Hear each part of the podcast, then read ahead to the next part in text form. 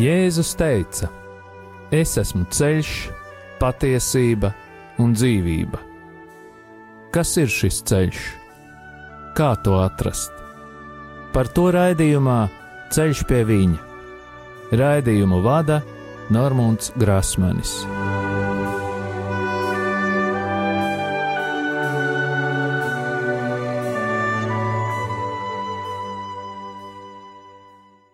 Lai ir slavēts Jēzus Kristus.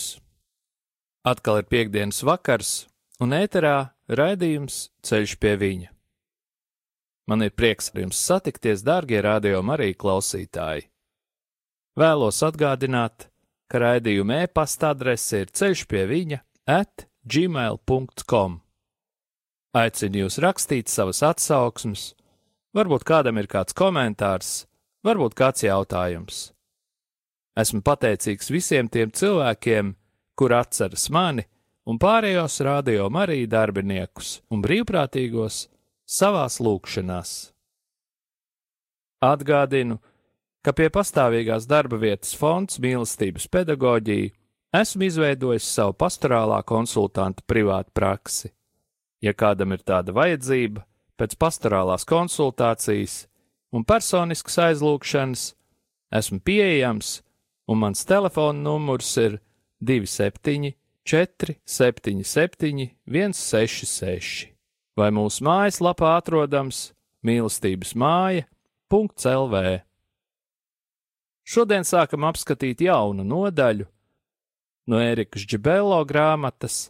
Jau daudzi antikristi ir cēlušies, vai kā neiekļūt maldu mācību slazdos, un šī nodaļa apskatīs fiziskās un garīgās attīstības vingrinājumus.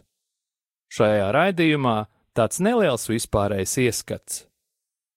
Jau izsens cilvēcisko vēlmju nomierināšana, lai pārvarētu iekšējo nomāktību un caur asketiskiem vingrinājumiem uzvarētu miesiskās iekāras, ietekmējot cilvēka garīgo dabu, daudzās kultūrās tika atzīta tika virzīti caur ķermeņa vingrinājumu aktivizēšanu. Daži no šiem vingrinājumiem, piemēram, joga, ar laiku pārtapa par reliģiozu sistēmu, kas pretendē uz absolūtās patiesības iemantošanu.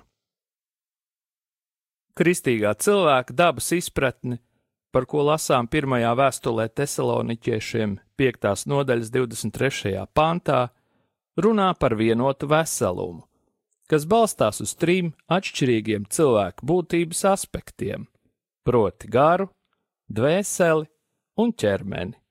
Un tas nav vispār, vispārēji cilvēcisks pieņēmums. Filozofiskās un psiholoģiskās domāšanas skolas, kas nepiedara kristietībai, bieži vien nepārāk skaidri izprot atšķirību starp cilvēka psihi, emocionālo, jūtīgo un garīgo cilvēka dabu. Taču bieži vien psiholoģiskie pārdzīvojumi, dažādu fizisko disciplīnu ietekmes iespējā, tiek klasificēti kā garīgie. Tādējādi jogas vingrinājumi un zenbudisma meditācijas atstāja iespaidu uz cilvēku psihiski emocionālo dabu, un, protams, var ietekmēt viņa morāli, līdz ar to iedarbojoties arī uz garīgo dzīvi. Nav svarīgi, vai esam vai neesam kristieši, taču mūsu apziņu vada dieva likums, par ko mēs lasām Pāvila vēstulē romiešiem, otrās nodaļas 14. pāntā. Mūsu darbi, vienalga, labi vai slikti, atspoguļo to, kas notiek mūsu dvēselē. Pēc kristīgās izpratnes Dievs ir radījis ikvienu cilvēku un katram devis savu garu mūsu gars ir cieši saistīts ar dieva garu. Šī vienība caur personisko grēku tiek sarauta, un mūsu dvēselē iegūstas vainas apziņa. Kas ir cilvēka psihiski emocionālā daba? Tā ir dzīva katrā cilvēkā arī tad, ja viņš nezina dieva likumus. Nav nekādu asketisku vingrinājumu, reliģiozu ceremoniju vai attīrošu spēldes, kas cilvēkam var palīdzēt viņa bēdās un vajadzībās. Pāvila vēstulē ebrejiem desmitajā nodaļā no 1 līdz 8 pantam skaidri ir pateikts, ka bauslība ir vienīgi nākamo labuma ēna, bet ne pats lietu tēls. Ar vieniem un tiem pašiem kaujamiem upuriem, kas ik gadu pastāvīgi tiek pienesti, tā nespēja darīt pilnīgus tos, kas ar tiem nāk. Tikai caur Jēzu Kristu mēs varam un esam iemantojuši pilnīgu, nebeidzamu piedošanu, par ko runā otrā Pāvila vēstule korintiešiem, 5. nodaļas, 18. un 19. pāns. Materiālā un psihiskā ietekme uz cilvēku garu ir pārāk ierobežota. Cilvēka gars, viņa brīvība galu galā ir ierobežota dēļ tās kārtības, ko redzam, ko redzam Dieva radībā. Kļūt par dieva kārtības daļu nozīmē sekot dieva baušļiem. Pozitīva cilvēka līdzdarbošanās radītāja plānā sakņojas dieva gribā, kas ļauj mums iemantot brīvo gribu, lai mēs varētu pieņemt ar morāles sfēru saistītus lēmumus, līdz ar to atsaucīgi piedaloties radības plānā. Fiziskie vingrinājumi, par kuriem runāsim, iespaido emocionālo cilvēku dzīves sfēru. Turklāt tieši ķermeņa pozīcija pild šo funkciju. Nav šaubu, ka ķermeņa disciplīna nodrošina labvēlīgu efektu, kas palīdz sasniegt meditācijai nepieciešamo koncentrāciju. No šīs puses raugoties, ir redzamas paralēles ar kristīgo tradīciju, piemēram, pareizticīgās baznīcas lūkšana tradīcijas, Ignācija no Loyolas garīgie vingrinājumi. Taču vingrinājumi, par kuriem runāsim šajā nodaļā, atšķiras no kristīgās tradīcijas ar gala mērķi. Austrumu meditācijas formas, kuras apskatīsim nākamajos raidījumos, ved uz augstākas apziņas sasniegšanu, taču kristīgās meditācijas laikā notiek iespējamā kontemplatīvās sagatavošanās. Kristietim ir jāapzinās, ka šāda kontemplācija pilnībā ir atkarīga no dieva žēlastības. Satikšanās ar dievu ir žēlastība, ko nevar nopelnīt ne ar naudu, ne ar darbu. Turpretī nekristīgo meditācijas formu tieksme ir ļaut cilvēkam piedzīvot pārdzīvojumus, balstoties uz nebeidzamu cilvēcisku piepūli. Vispirms mēs aplūkosim austrumu meditāciju formas un kristīgo meditāciju aplūkosim pašās beigās, jo par šo garīgo pieredzi ir izdots 1989. gadā dokuments no Katoliskās baznīcas ticības kongregācijas.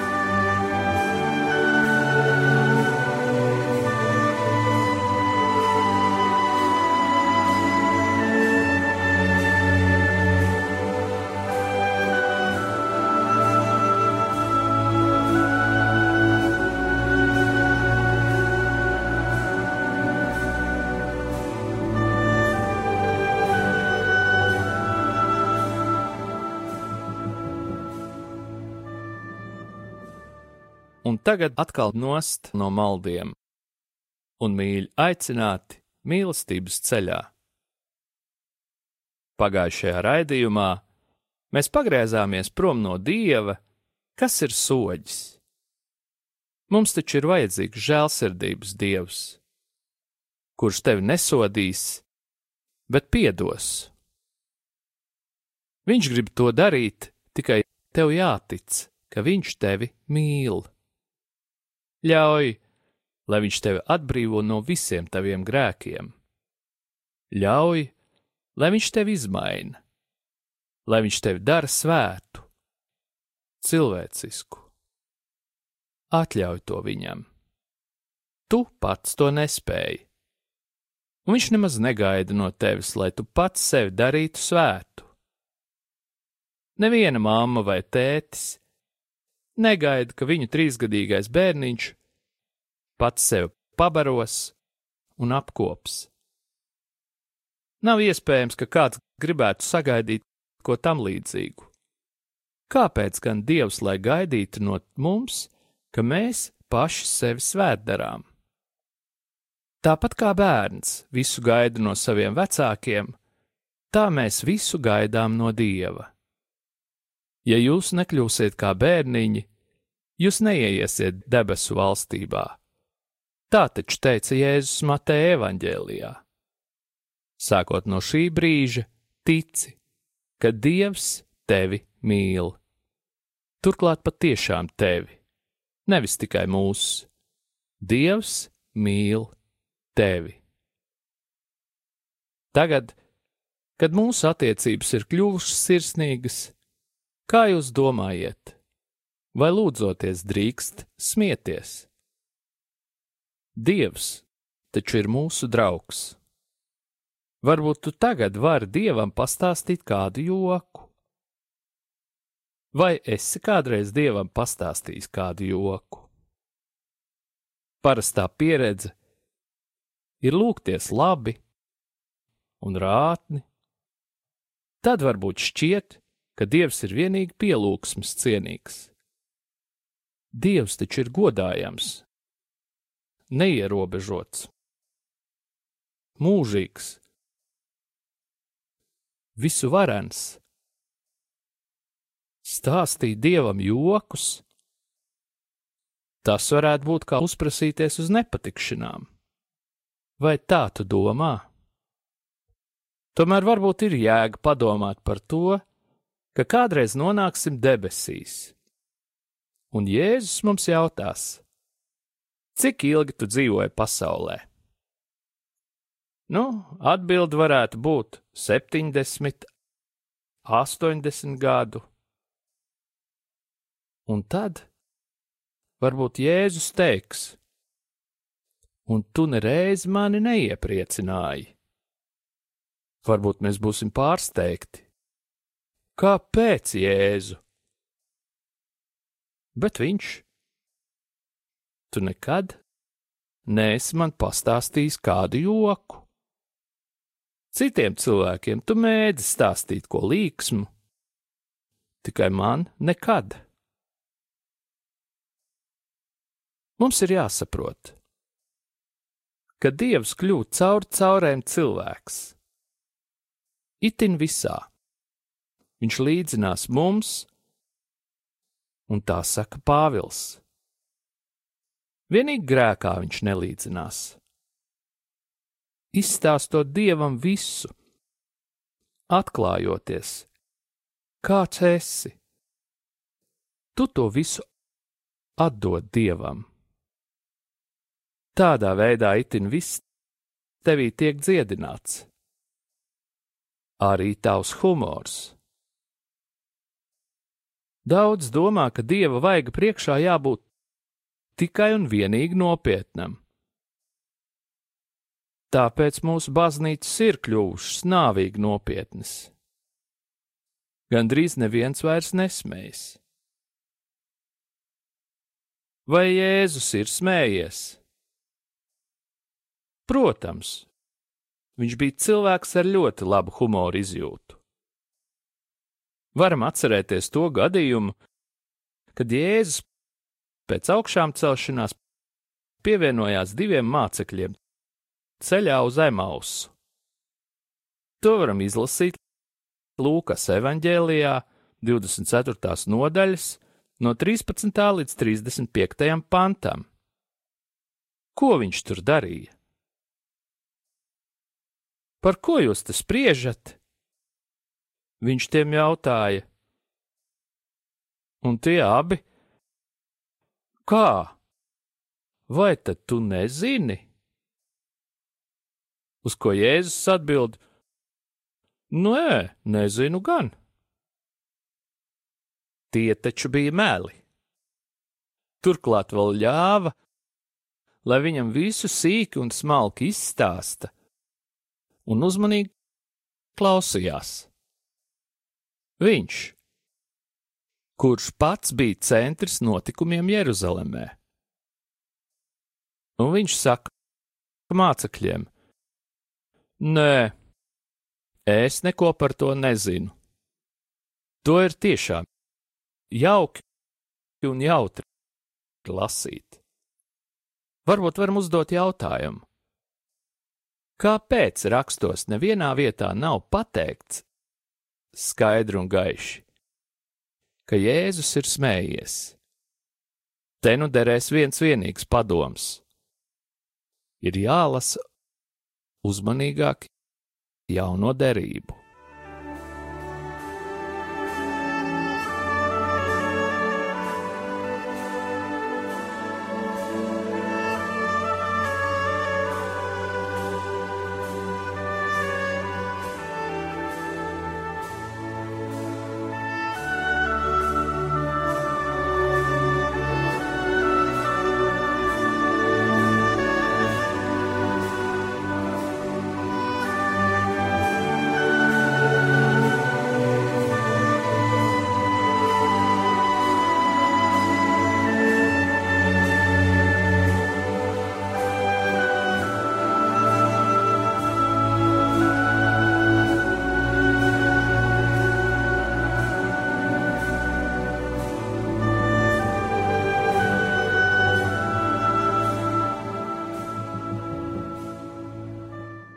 Un tagad atgriezīsimies pie tiem diviem, kur gāju uz Emausu. Ir jau pavisam tumšs, tomēr Jēzus it kā grasās doties tālāk. Labi zinādams, ka viņš ieies un paliks ar viņiem, un tomēr viņš izlieks, ka turpinās ceļu. Vai tas nav smieklīgi? Un tad mācekļi aicina: Paliec pie mums! Bet viņš atbild: Nē, taču! Zinādams, ka viņam jāpaliek ar viņiem. Sirdī Jēzus noteikti smējās bieži, īpaši tad, kad bija kopā ar bērniem. Jo Dievs smējas vienmēr Pie Dieva vienmēr viss beidzas labi. Tikai vēlns nekad nesmējas, un vienmēr ir nāvīgi nopietns. Pie viņa nav ne mērķa, ne dzīves, pie viņa viss iet bojā. Varbūt uzdosim vēl kādus jautājumus.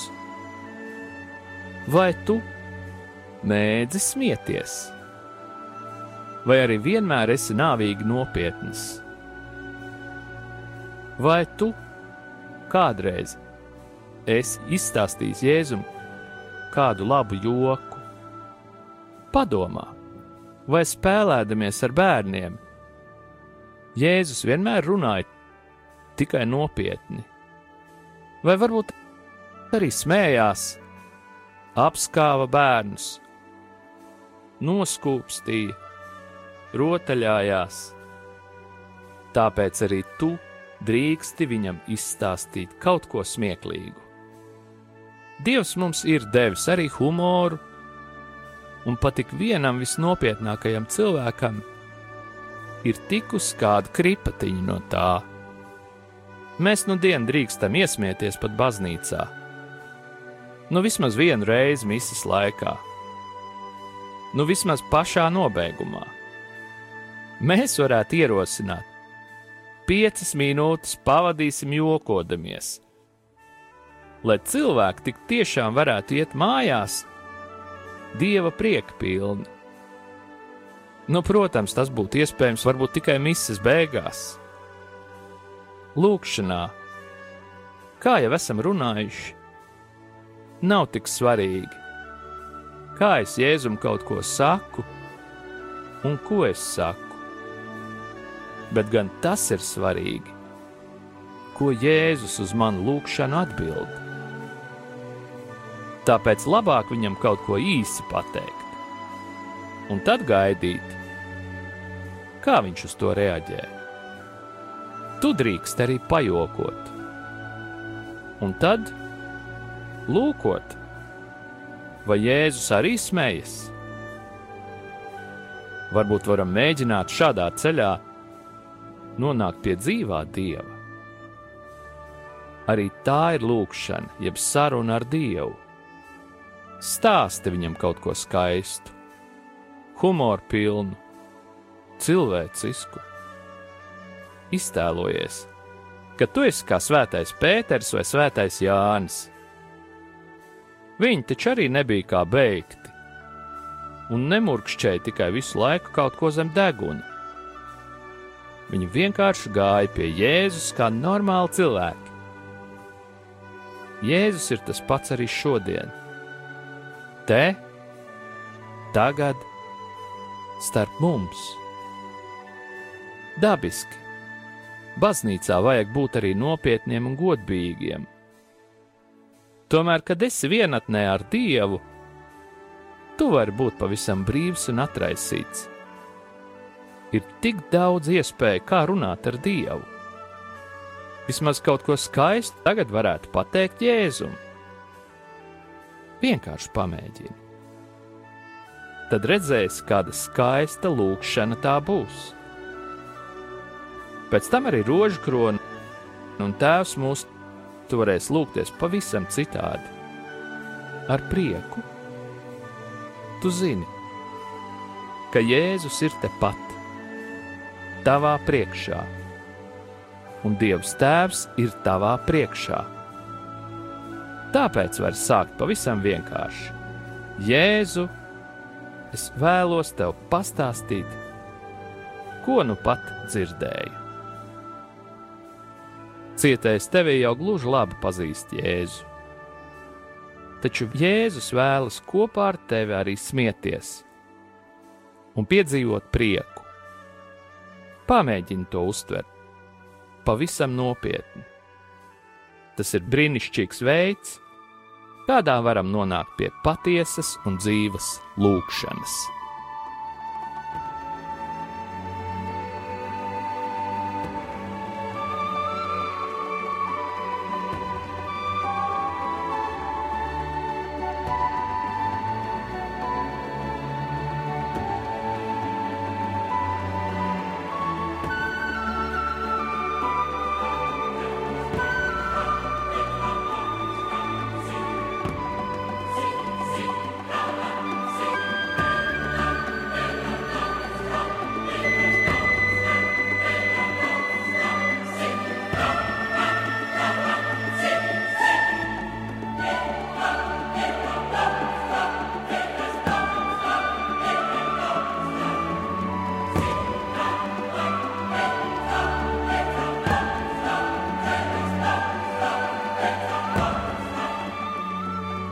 Un tagad pieņem lēmumu.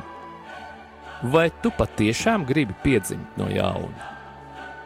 Un tad vienkārši pateicies Dievam, Slava tev, Kungs, ka tu drīksti ieiet viņa valstībā. Tēvs, tagad tu vari mani no jauna laist pasaulē un dzemdināt. Dzemdināt no mūsu kristības baznīcā nāc, piepild mani ar savu spēku, lai es kļūtu acīm redzams ticīgais, redzama baznīca un redzama Kristus miesa, lai Jēzus pasaulē patiesi būtu redzams un iespaidīgs. Es pateicos, Tēvs, par Tavu garu un Tavu dēlu Es tev pateicos, ka tu šajā laikā dzemdini tik daudzus cilvēkus. Svētī mūs tagad! Lai tavs miers nāk pār mums, lai tava roka ir pār mums, Jēzu! Tagad ir tavs laiks! Dari mūs jaunus! Pieskaries mūsu sirdīm, mūsu prātiem! Mūsu gribai, mūsu iztēlē. Pieskaries mums katram viscaur, radi caur mums jaunu zemi, jaunu pasauli. mēs esam gatavi būt par taviem bērniem, lai pieaugtu tavā spēkā. Jēzus saka, es esmu vīna koks, jūs esiet zari. Kas manī paliek un es viņā, tas nes daudz augļu. Jo bez manis jūs neko nespējat darīt. Šīs otrās piedzimšanas dāvana nav tavs nopelns. Tā ir iespēja tikai no dieva žēlastības. Jēzum, tevi vajag. Viņš ir vīna koks, un tu esi zars pie šī vīna koka. Uz paša stumbra ogas neaug. Tās atrodamas tikai zaros. Protams, tikai tad, ja tas ir dzīves zars, kas aug no vīna koka. Ja kaut kas traucē ritēt sulām šajā zarā, piemēram, grēks, tad zars nokalst. Tāpēc mums vajadzīgi dažādi attīrīšanās veidi, lai dzīvības sula no Jēzus Kristus varētu plūst caur mums. Jēzum tevi vajag, lai dotu pasaulē gara augļus un vīnu, turklāt neatliekami, steidzīgi vajag. Tikai atļauj viņam sevi lietot, ļauj, lai viņš tev dod gara dāvanas un augļus. Un, ja tas ir iespējams, uzmeklē šovakar kādu klusu vietu, varbūt dabā, varbūt baznīcā, sakramenta priekšā, lai pielūgtu Dievu. Vienkārši apsēdies un saki: Paldies, Tev, Dievs, par visu, kas ir noticis! un vēl notiks. Un tagad saņemiet pāvesta Francisku svētību. Kungs Jēzus Kristus, lai ir pār mums, lai mūs svētītu, lai ir pie mums, lai mūs pavadītu, lai ir ar jums un mums, lai mūs aizsargātu, lai mūs svētī Dievs Tēvs un Dēls un Svētais Gars, lai asins un ūdens, kas izplūd no Jēzus Kristus sirds, izplūst pār mums un lai šķīstī, atbrīvo un dziedina.